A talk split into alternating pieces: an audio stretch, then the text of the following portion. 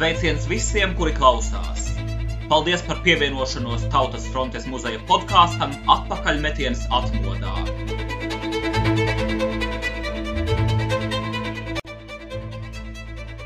Šīs dienas epizodē pirmais Latvijas Tautas frontes priekšsēdētājs, Latvijas Republikas augstākās padomes priekšsēdētāja pirmais vietnieks Dainis Tīvāns rekonstruēja savu runu 1941. gada deportāciju gada dienā pie brīvības pieminekļa 1991. gada 14. jūnijā. Runas rekonstrukcija tapusi projekta Vārda spēks trešajā atmodā ietvaros ar valsts kultūra kapitāla fonda mērķprogrammas Kultūra Elpa līdzfinansējumu.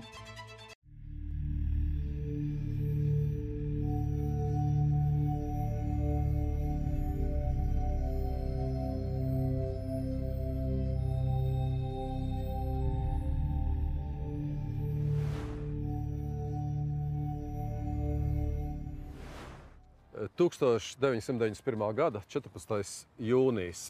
Laiks starp janvāra barakādēm Rīgā un starp augusta puču Maskavā.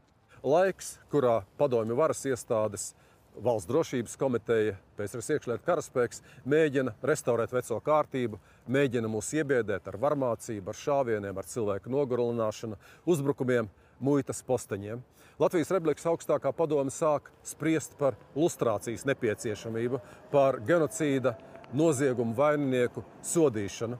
Notiek plaša konference par šo komunistisko genocīdu, un nākošajā dienā, 14. jūnijā, šeit, brīvības pieminiekļa pakāpē, liela, plaša tautas manifestācija, ko pirmo reizi organizē jaunievēlētais tautas parlaments Latvijas Republikas augstākā padome. Godātie tautieši, draugi!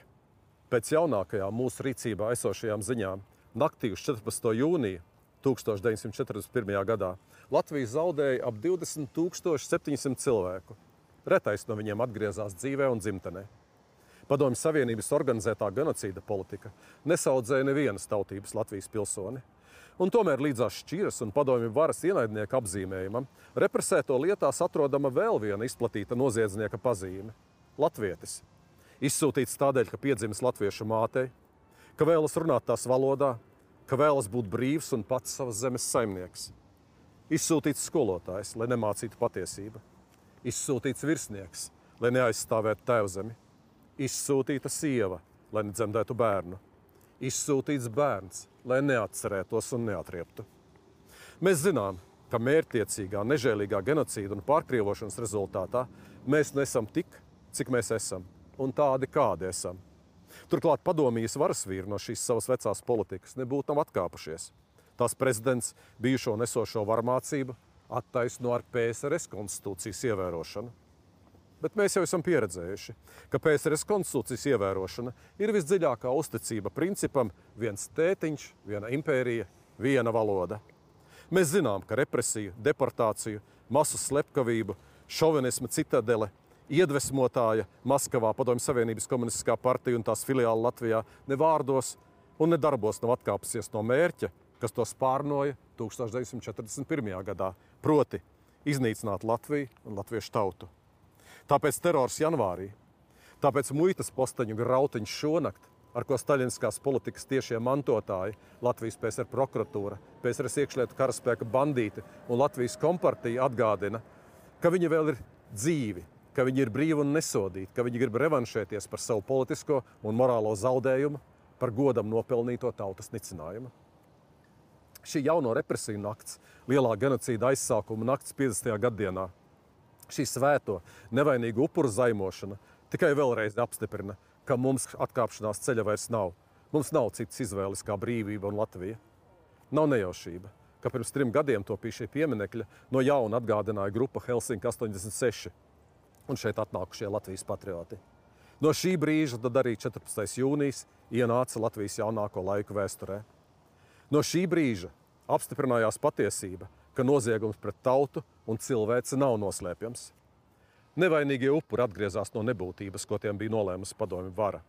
Viņi no jauna kļuva par Latvijas atbrīvošanās cīņas iedvesmotājiem.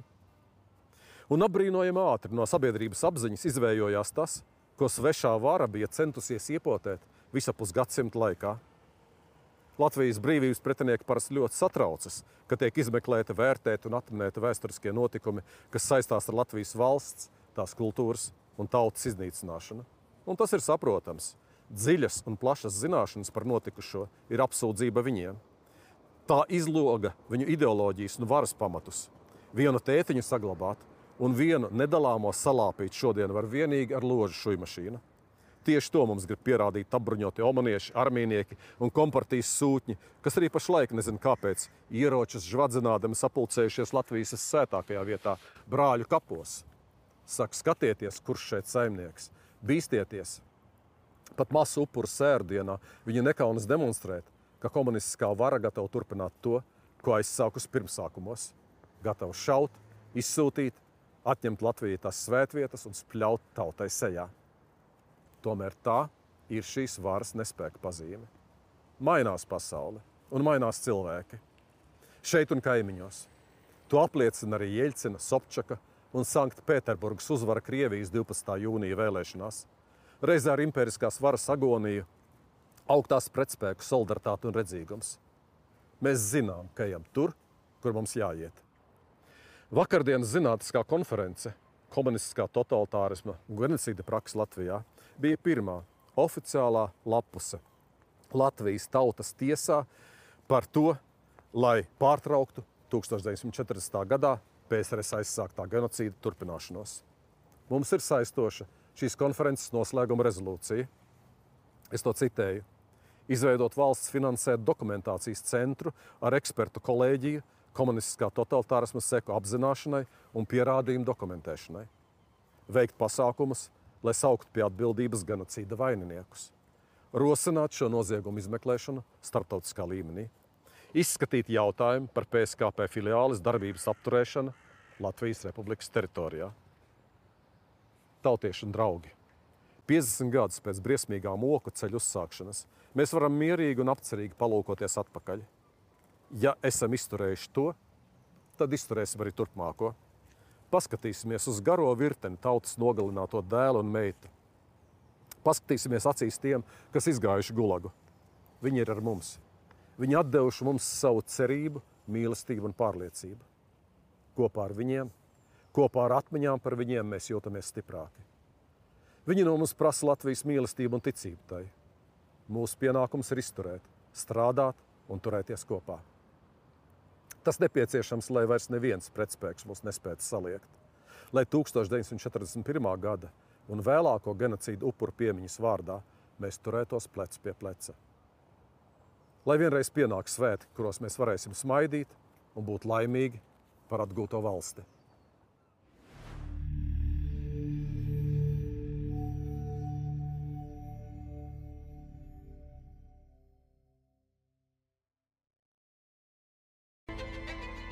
Liels paldies par pieslēgšanos un izrādīto interesi, un uz tikšanos nākamajā podkāstu atpakaļmetiens atmodā epizodē.